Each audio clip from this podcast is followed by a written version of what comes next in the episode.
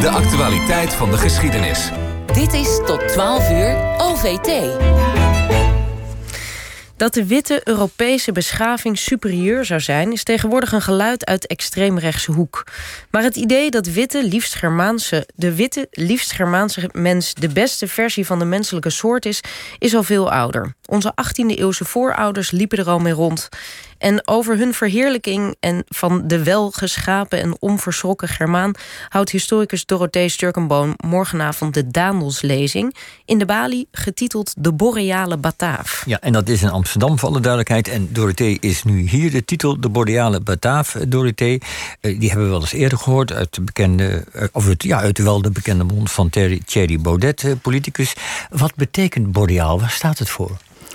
Boreaal betekent uh, letterlijk gewoon noordelijk, uit het noorden. Maar het is sinds de 19e eeuw ook een politiek begrip geworden. En dan staat het voor het noorden als bevolkt door de oorspronkelijke noordelijke volkeren. Die zowel fysiek als cultureel superieur zouden zijn aan andere volkeren. En dan zie je dat het begrip dus eigenlijk uh, een hele geïdealiseerd de invulling heeft gekregen van het begrip noordelijk. Een geïdealiseerde voorstelling van wat het noorden is. Helemaal alleen geïdealiseerd. Er zat geen enkel vlekje op. Dat is een ander stuk. Uh, noordelijk heeft ook allerlei negatieve connotaties gekregen. Daar ga ik het morgen ook over hebben. En je ziet dus dat het begrip in die zin ook heel, heel rekbaar en flexibel is. Het is maar net vanuit welk perspectief je ernaar kijkt. Maar in de, in de, laten we zeggen, in, in de uitwerking van het, eh, van het begrip, zoals we het nu kennen, is het vooral dat positief, althans wat men zelf positief noemt, superieur. Wie nu het begrip boreaal hanteert, die bedoelt het in die positieve, geïdealiseerde voorstelling. Anders heb je geen reden om dat begrip te gebruiken. En dan dat andere begrip, uh, Bataaf. De lezing heet de boreale Bataaf. Dat, dat werd in de 18e eeuw weer van stal gehaald. Op wie en wat sloeg het en waarom werd het juist toen weer gebruikt? Ja, het, uh, het slaat eigenlijk terug of het heeft te maken met de Bataafse mythe... die dan al een paar eeuwen in ons land rondzingt. Het is een soort oorsprongsmythe over de eerste bewoners van Nederland de Batavieren of de Bataven, een Germaanse stam, die in hun eigen tijd al bekend zouden hebben staan vanwege hun onverschrokkenheid, vanwege hun vrijheidsliefde en vanwege hun kracht. En dat, die naam, dat imago, hebben ze te danken aan dat ze in 69 na Christus succesvol in opstand waren gekomen tegen de Romeinen, die ze op dat moment te tyranniek vonden.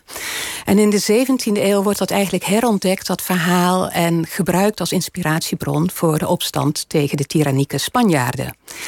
En uh, sindsdien is de Bataaf eigenlijk een soort geïdealiseerde ware vaderlander.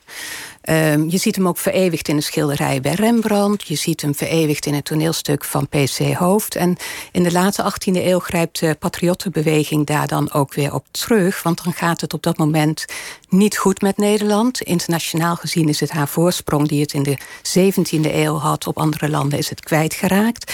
En die, die glans van de Gouden Emel is zo gezegd gewoon behoorlijk dof geworden. En 18e eeuws opiniemakers die zien op dat moment eigenlijk overal verval om zich heen, op allerlei terreinen. En dat wijten ze aan te veel welvaart, te veel weelde. En dan haken ze opnieuw aan bij die Bataafse mythe. En keren ze terug naar het idee dat als wij weer zouden worden, zoals die oude Bataven, eenvoudig, krachtig, onverschrokken, uh, dat dan die neerwaartse trend omgekeerd zou moeten kunnen worden. Ja, klinkt ook wel heel lekker fijn en makkelijk, hè? Als, als het zo zou zijn. Maar dat idee dat de Germaanse mens die daarvan afstamde de betere soort was, uh, waar haalden ze dat dan vandaan? Wat zat daarachter? Zat daar een bepaalde manier van? Ja, kun je iets meer over ja, zeggen? Nou, dat haalden ze eigenlijk uit de oudheid in de eerste plaats bij de uh, Romeinse schrijver Tacitus vandaan. Die had in de eerste eeuw na Christus al een heel geïdealiseerd beeld geschetst van de Germanen in zijn De Germania. Eigenlijk moet je dat lezen als een soort cultuurkritiek op het Rome van zijn eigen tijd. Dat, dat verwijfde Rome een beetje ja, van dat aan zedenverwildering ja, ten onder zou gaan. En daarnaast haalden ze uit de oudheid ook de klimaattheorieën. En dat waren theorieën die een verband legden tussen het klimaat in een regio en het karakter van de volkeren die in een bepaalde regio leven. En het idee was dat Noord en Zuid heel verschillend zouden zijn. Dat hitte en, en droogte een heel ander type mens geeft dan koude en vocht. En wat uh, hoort dan bij wat? Ja, wat hoort dan bij wat? Het noorden, in zijn extreme vorm, vlak onder de poolcirkel... dat zou mensen geven die door de kou heel erg gehard waren... maar ook wel een beetje ruw. En door de uh, kou zouden hun lichaamsvezels heel strak gespannen staan... waardoor ze ook enigszins neigden naar gevoelloosheid en afgestomptheid... zowel fysiek als mentaal gezien. Dus niet alleen, niet alleen positief? Nee, dat is het zeker niet. En het zuiden ook niet, in zijn extreme vorm. In het zuiden werden dan juist gedacht dat die lichaamsvezelen heel slap werden... door de warmte. En dat gaf een menstype wat slap en krachteloos en lui zou zijn. Um, is toch een beetje, klinkt toch een beetje als Hoekstra. Die, uh... Nou ja, Hoekstra in maart 2020... die inderdaad zich verzette tegen steun, financiële steun... aan de zuidelijk Zuid-Europa. Omdat daar de mensen te lui zouden zijn en te speelzuchtig. Ja, daar doet het aan denken. Maar wat ik nog ook zou willen benadrukken is dat... omdat dat noorden dus niet enkel positieve eigenschappen krijgt toegedacht... dat je dan ziet dat heel veel auteurs in Europa... voor hun eigen land een positie claimen... in een soort geïdealiseerd midden tussen Noord en Zuid in... zodat je de juiste mix van eigenschappen zou kunnen claimen. En wat die Bataafse Nederlanders van het eind van de 18e eeuw doen... die zeggen, nou, wij behoren net zoals de Duitsers en de Britten... en de Denen en de Zweden tot het gematigde Noorden. wij, waren de beste. Ja, wij hadden namelijk een beetje van, van beide kanten wat kwaliteit als het ware. Eh, die, die boreale betaaf van toen uh, voelde zich dus superieur. Speelde in die, althans wilde zich superieur voelen, moeten we misschien zeggen. Speelde daar ook angst mee zoals nu dat de samenleving, die, je, je verwees er net al op dat de angst meespeelde om ten onder te gaan. Maar werd dat ook concreet? Was men bang voor immigranten? Of waar, waar moeten we aan ja, denken? Ja, want men, men dacht dus uh, dat die achteruitgang, dat verval van de 18e eeuw, dat dat te maken had met een verloren gaan te, teloorgaan van de Nederlandse cultuur door buitenlandse invloeden. Dat werd aan verschillende factoren geweten, maar onder andere inderdaad aan immigratie. De Republiek was in de 17e en 18e eeuw echt een immigratieland. En uh, Willem Anthony Okkersen, dat is een van de grondleggers van, van uh, de eerste grondwet in 1798. Die zegt bijvoorbeeld van nou, als we niet oppassen, dan is er dadelijk in de grote steden, en dan citeer ik hem, geen onvermengd Nederlands bloed meer te vinden. En dan zegt hij ook letterlijk uh, dat er sprake is van een uh, vermenging met allerlei vreemde volksrassen. En dan citeer ik, die wel moet uitlopen op een volkomen fysieke en morele volksontaarding en een volmaakte vernietiging van het nationaal karakter. Hij spreekt dus over ras, maar hij gebruikt dat nog niet als gedefinieerd op basis van huidskleur. Hij dacht vooral aan migratie uit andere delen van Europa die het Nederlandse volkskarakter zouden verdunnen. De, zwakkere broeders uit Europa. Ja, ja, en verdunning van het ja. volkskarakter. Dus en dat doet erg denken, al zijn er dus duidelijk ook verschillen aan wat tegenwoordig eh, wel de homeopathische verdunning zou, wordt genoemd, of de omvolking van Nederland die dreigt plaats te vinden, die nou heel erg speelt. Er zijn verschillen, maar het doet daar wel aan denken. En er was ook angst voor het aantasten van de mannelijkheid, geloof ik. Hè? Ja, en dat kwam een beetje doordat men eh, op dat moment is in, uh, eigenlijk in Europa de Franse cultuur heel erg dominant. En de Franse cultuur, uh, dat zie je ook inderdaad op allerlei vlakken terug. Um, en die Franse cultuur wordt ook geassocieerd met minder mannelijke cultuur. Omdat hij meer gericht zou zijn op elegance, op comfort, op luxe. En ja, vooral de jongere generatie... die was gewend om ter afronding van hun opleiding... een reis te maken door Europa, het zogeheten Grand Tour. En dan werden ze ondergedompeld in Frankrijk en Italië in die cultuur. Dus er was een vrees dat vooral die jongere generatie... inderdaad minder mannelijk zou worden. En wat ik wel heel interessant vind, is dat dat angstbeeld van een verlies van mannelijkheid, dat je dat in de geschiedenis heel vaak ziet terugkeren. In het conservatieve vertoog dat zich tegen modernisering keert. En onlangs was bijvoorbeeld nog uh, Tucker Carlson, dat is een Amerikaanse tv-presentator in het nieuws.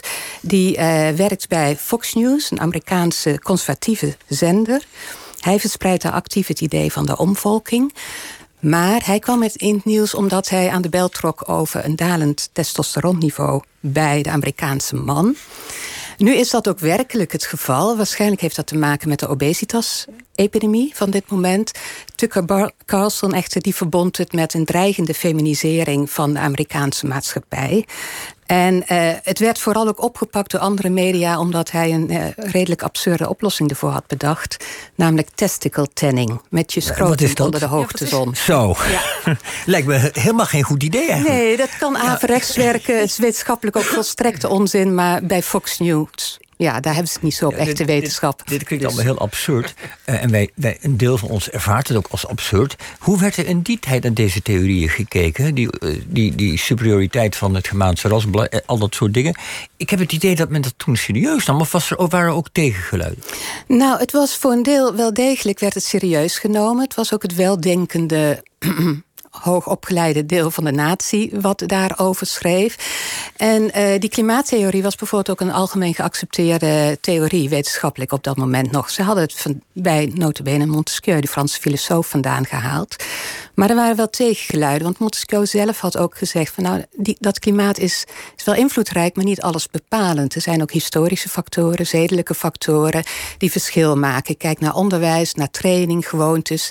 Die liggen niet vast, die zijn te veranderen. Dat heeft ook invloed. En er waren mensen die daarbij aanhaakten in de 18e eeuw... en die ook zeiden van, ja, als we zo in stereotypen blijven denken... dan, dan zien we maar een deel van de werkelijkheid. Dan zien we bijvoorbeeld niet dat er ook heel veel overeenkomsten bestaan tussen mensen en beschavingen op verschillende werelddelen. tot, tot, slot, is er een les te trekken uit deze geschiedenis voor onze omgang nu met uh, boreale angstzaaiers of iets dergelijks? Ja, als je over die stereotypen uh, nadenkt. Ik vind dat de Nigeriaanse schrijfster Chimamanda Ngozi Adichie daar hele mooie dingen over heeft gezegd in haar TED-talk over The Danger of a Single Story. En als ik haar mag citeren. The problem of stereotypes is not that they are untrue, but that they are incomplete. They make one story become the only story. En daar moeten we voor waken. Ja, niet één verhaal, maar een gelaagd verhaal, zoals dat zo chic ja. heet. Nou, ja. Dorothee, dankjewel. Dus je lezing morgenavond in de Bali. Iedereen die er naartoe wil, om acht uur begint het. En dan komt later dit jaar een boekje uit. En dit was het eerste uur van OVT. Straks in het tweede uur hoe wordt de gruwelijke gifgasaanval in de Koerdische stad Halabja uit 1988 herinnerd en verwerkt. Dat vroeg onderzoeker Baris Majid zich af. Ze promoveerde vorige maand in Leiden op een proefschrift over de Iraaks-Koerdische herinnering aan die dramatische gebeurtenis. En straks is zij hier. En in het spoor terug een portret van de godfather van de graffiti, Dr. Rat. En, uh... en natuurlijk